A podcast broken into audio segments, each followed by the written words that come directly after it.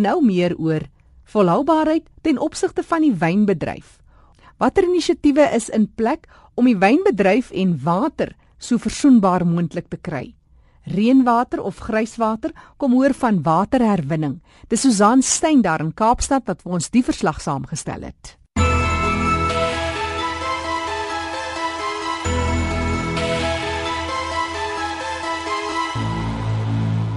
Om internasionaal te mag meeding, is die Suid-Afrikaanse wynbedryf onder kwaai druk om meer volhoubaar te produseer. Maar presies hoe volhoubaar dink mense in hierdie veld? Regtig? En wat beteken dit vir hulle? Nadia Senetra is 'n navorser wat in volhoubaarheid en energiebestuur spesialiseer en sy het ook baie kennis van die bedryf. Nadia, wat is jou ervaring? In die wynbedryf dink ek waar waar ek meestal werk, dink ek beteken dit eerstens dat hulle 'n beter reputasie gaan kry met die mark waarmee hulle handel, veral uitvoermark soos Brittanje en Europa. Maar meer en meer sien mense nou so die kostes van hulpbronne begin styg soos elektrisiteit en water sien mense dat die ouens eintlik begin om te kyk na volhoubaarheid uit 'n kostebesparingsoogpunt. Dit begin besigheidsin maak vir oor die lang termyn as jy meer volhoubaar is. So jy dink nie dit gaan regtig daaroor dat mense werklik waar die kommer of die erns besef van uh, jy weet ons moet iets doen aan die planeet nie. Stadig maar seker begin mense uitvind daaroor, maar vir meeste mense is dit 'n persoonlike tipe reis wat hulle onderneem. Jy word blootgestel so staalformatig en as jy meer kennis opbou oor dit dan begin mense meer en meer uitvra en betrokke raak dink ek. So presies, wat is dit wat julle nou doen? Ons kyk spesifiek uit 'n koste oogpunt na ons energie meestal. 'n Groot um, drywer op die oomblik in die wynbedryf is elektrisiteit. So ons doen nou allerlei interessante projekte byvoorbeeld soos om die drywedoppe wat gegenereer word uit die wynmaakproses in stoomboilers brandstof te maak te, te kompres en dan brandstof te maak van die drywedoppe en dit dan te verbrand om stoom te genereer wat jy dan op die ouene krag mee kan opwek. Hoe presies doen jy dit? En ek weet ek kan invoer 'n uh, tipe van 'n masjien of 'n ding wat jy dan die drywedoppe dan in die masjien invoer en dan maak ek 'n pellet in plaas van om steenkool in jou boiler te sit, kan jy dan drywedoppe in die, in die, in die boiler sit en dan as te ware kan jy krag opwek. Maar dit is nou obviously op groot skaal.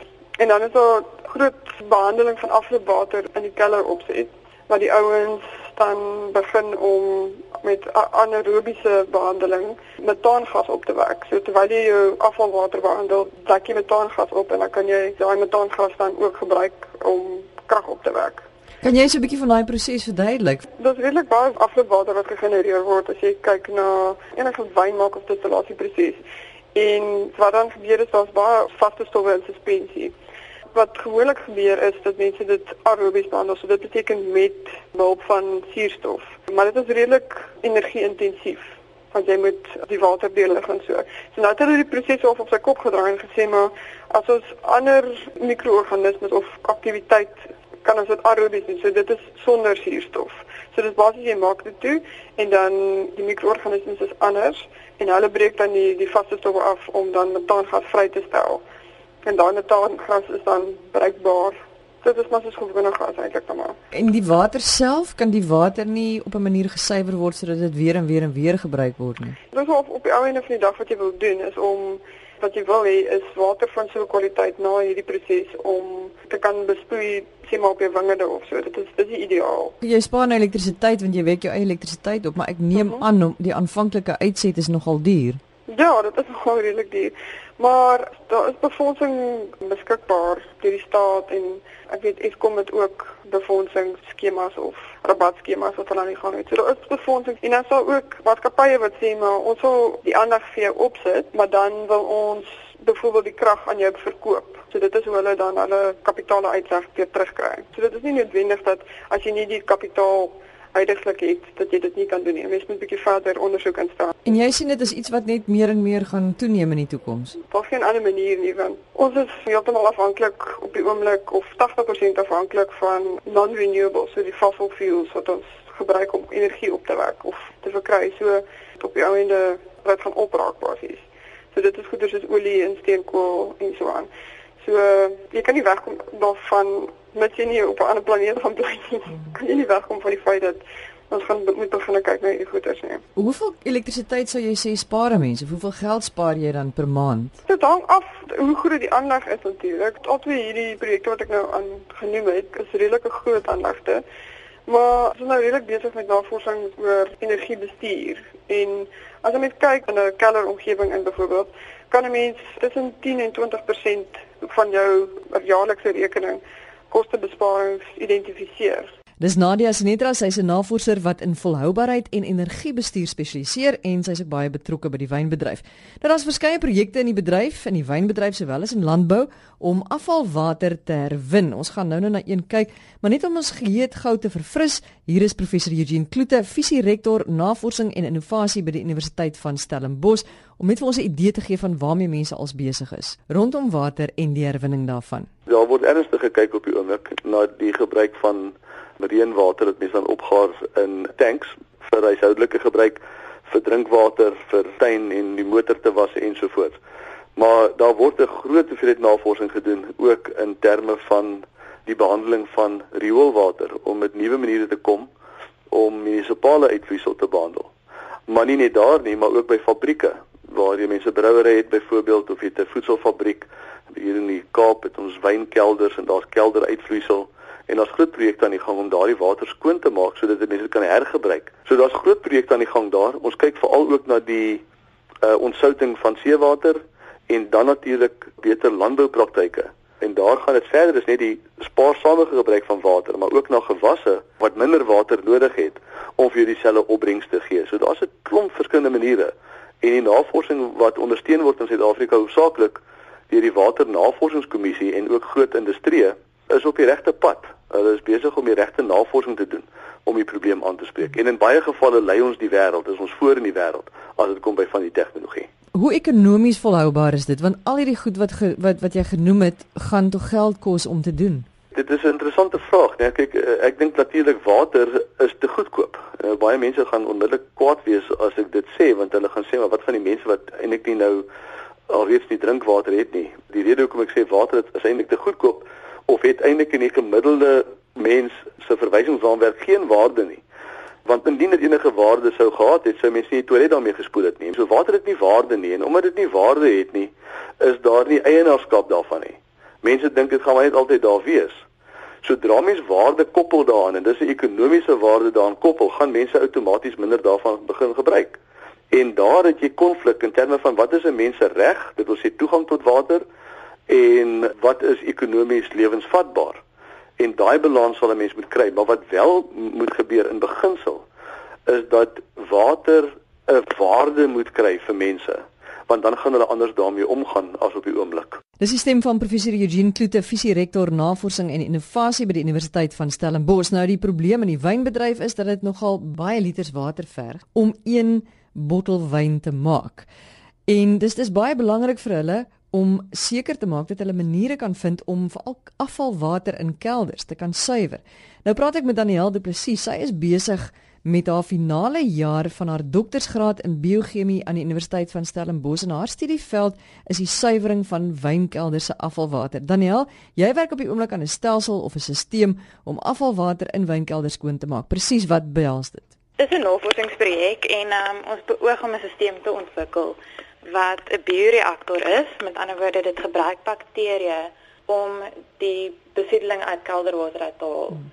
So die bakterieë gebruik basies die besoedeling as 'n energiebron en dit haal dit uit die water uit. Hoe sou so 'n stelsel werk? Jy weet vandat daai water nou iewers opgegaar word om skoongemaak te word. Dit is basies 'n eenheid wat bakterieë bevat en dis ook 'n omgewing van 'n hoë suurstofinhoud en die bakterieë groei dan binne in hierdie eenheid en Die vuilkelderwater word dan van 'n opgaringspunt by die kelder gepomp in hierdie stelsel in en die afvalwater dit kom dan in kontak met die bakterieë en die bakterieë haal dan die besoedeling uit die water uit. En is daar enige neuweprodukte of afvalprodukte? Glad nie. Die stelsel is baie voordelig op hierdie stadium omdat dit baie min energie gebruik. Dit gebruik basies net genoeg krag om 'n pomp aan die gang te hou en dit verg geen addisionele chemiese stowwe wat bygevoeg word nie. En daar's ook geen nuwe produkte nie. Die water wat daar uitkom is dan van 'n hoë genoeg kwaliteit om vir besproeiing gebruik te word. So die water kan nie gedrink word of weer gebruik word in die maak van wyn nie.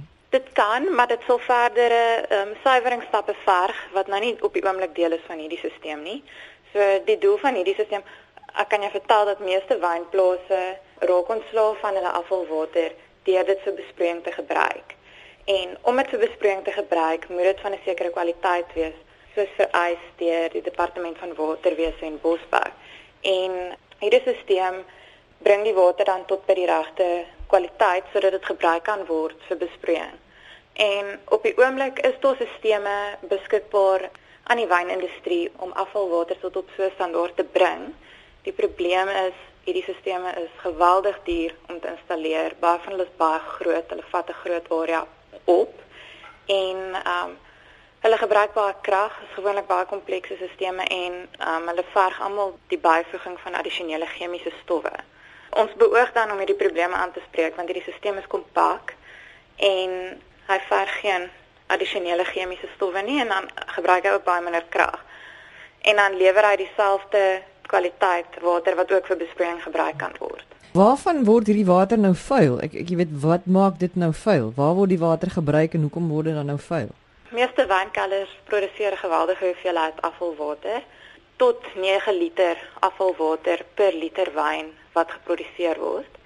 En die besoedeling kom van verskeie uh, aktiwiteite in die kelder, uh, het dit nou die maak van die wyn is, die bottelering van die wyn of selfs net die skoonmaak van tenke of die kelder self.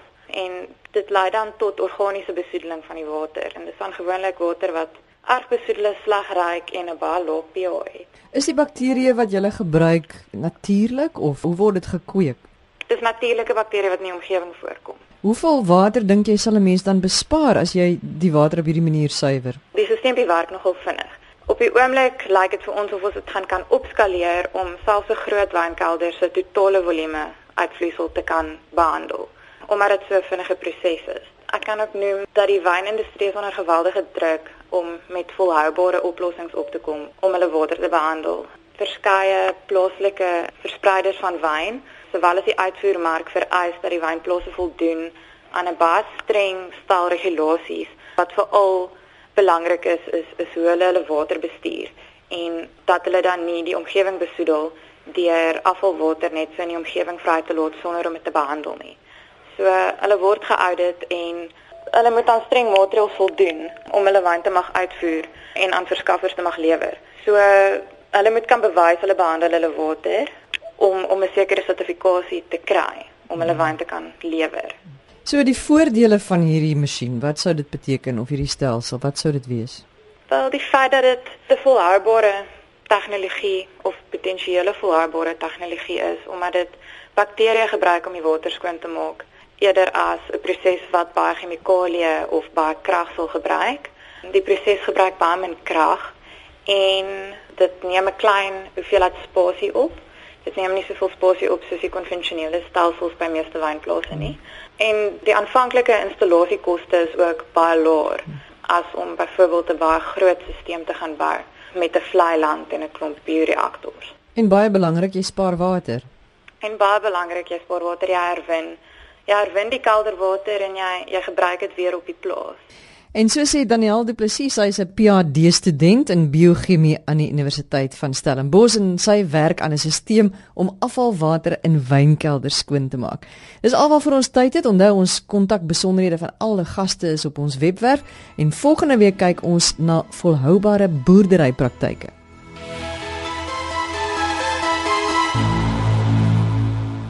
En die bydraes versorg deur kollega Susan Stein.